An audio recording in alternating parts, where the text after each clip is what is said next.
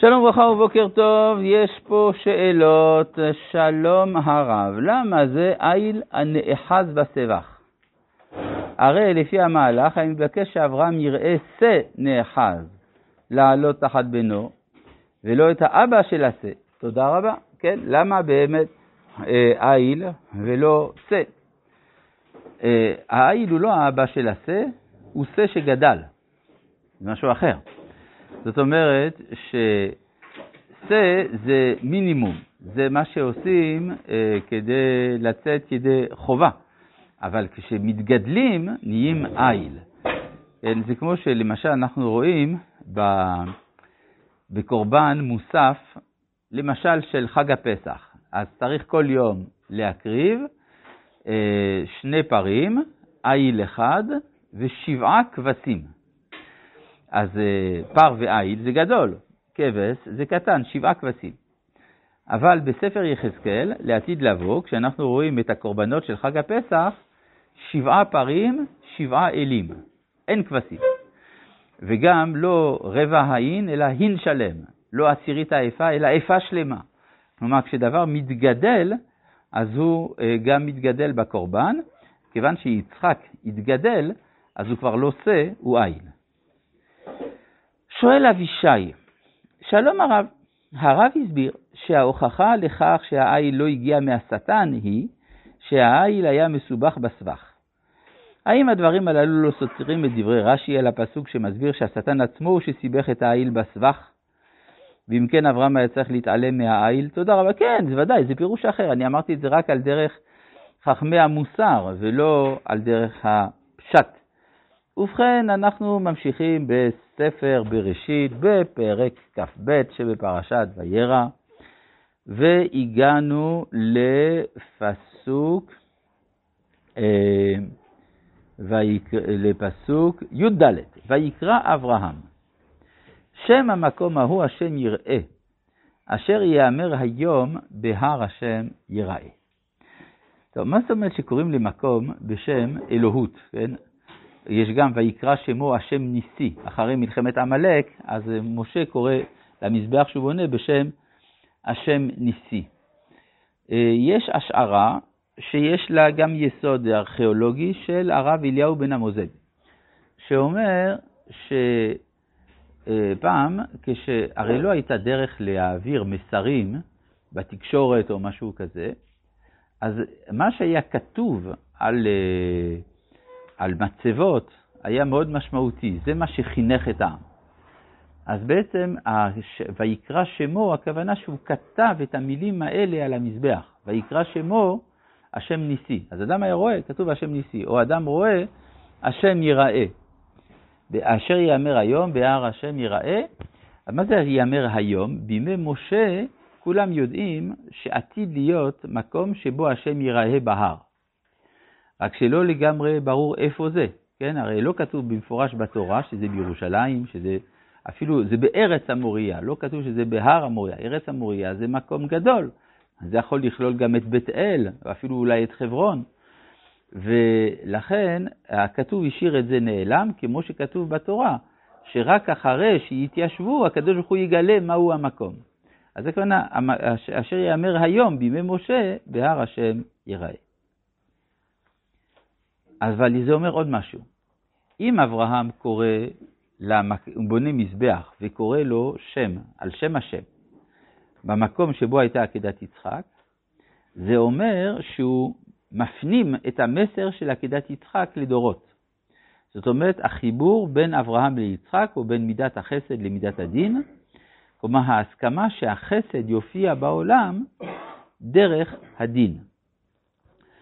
יש אה, דרוש שדרשו הדרשנים, זה גם מובא, לא, אצל חז"ל כבר, שאברהם קרא למקום ייראה, ואילו שם בן נוח קרא למקום שלם, ומזה ייראה שלם נהיה ירושלים. מה זה בא לומר?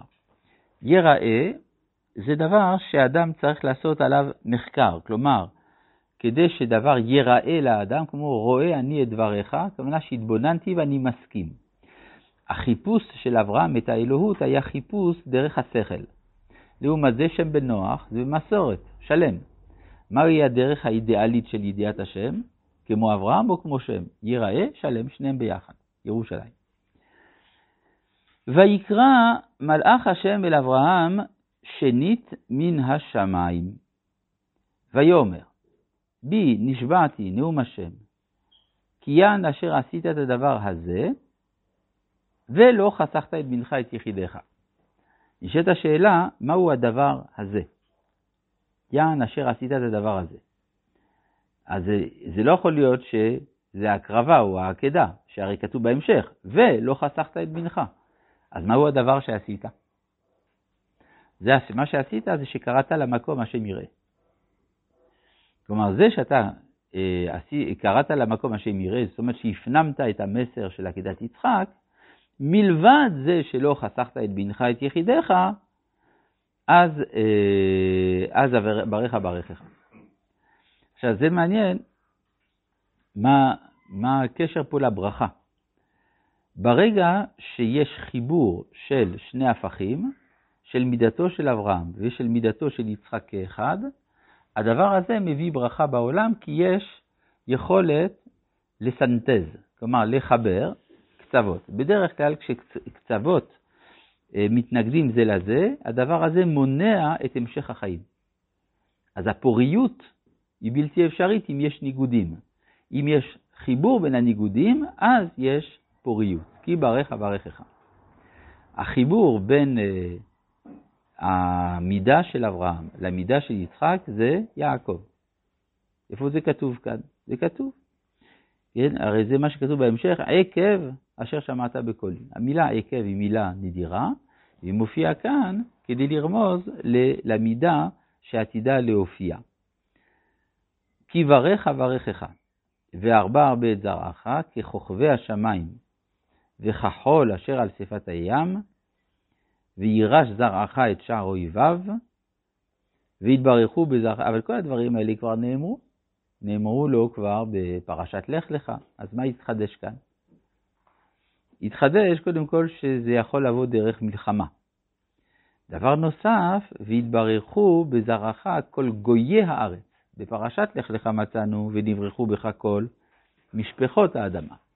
והסברנו שהכוונה של המעשה של אברהם, התוכנית של אברהם, היא להפוך מחדש את הגויים למשפחות. ו... אבל מה נעשה אם הגויים לא יהפכו למשפחות?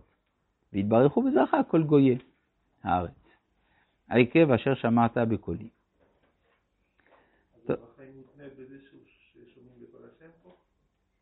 הוא שהוא כבר שמע, זה בנוי על העבר. זאת אומרת, זה בדיוק מה שאמרנו, המאכלת.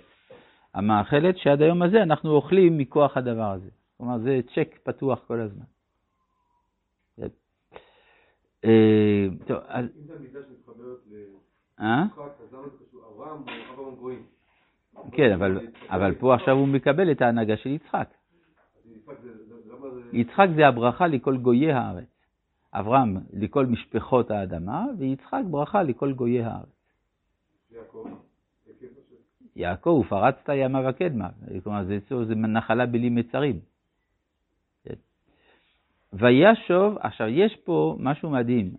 הפסוק שאנחנו עומדים לקרוא, פסוק י"ט, הוא הפסוק האחרון של סיפור העקדה. היינו מצפים שבעקבות העקדה, אני יודע, יהיה איזה מהלך אדיר, אה, אור שיקרן מפניו של אברהם, כמו שקרן מפני משה, או משהו כזה. ואילו כאן אנחנו רואים את השיא של העקדה. הפסגה של העקדה זה וישוב אברהם אל נעריו.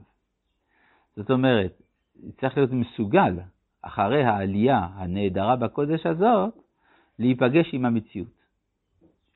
וישוב אל נעריו, וזה בעצם אומר, מה? בצורה שונה, כי התברר שבנו של אברהם זה יצחק. נכון, אבל עכשיו הוא מביא להם את הברכה שהוא קיבל שם. זאת אומרת, ונשתחווה ונשובה עליכם. המטרה היא באמת כדי לשוב אליהם. כלומר, כל הבחירה של יצחק, אחרי שהיא התבררה, היא מאפשרת ברכה אמיתית אל נעריו של אברהם. כל זמן שאני לא יודע מי אני ומה המקום שלי, אני לא יכול להתקדם. ברגע שברור שיצחק הוא היורש ולא הנערים, אז זה ברכה ליצחק וזה ברכה לנערים. מובן? טוב. אז זה גם מבטל את הקיום של שרה, כי בעצם היא הייתה כל הזמן. מה כל הזמן מה?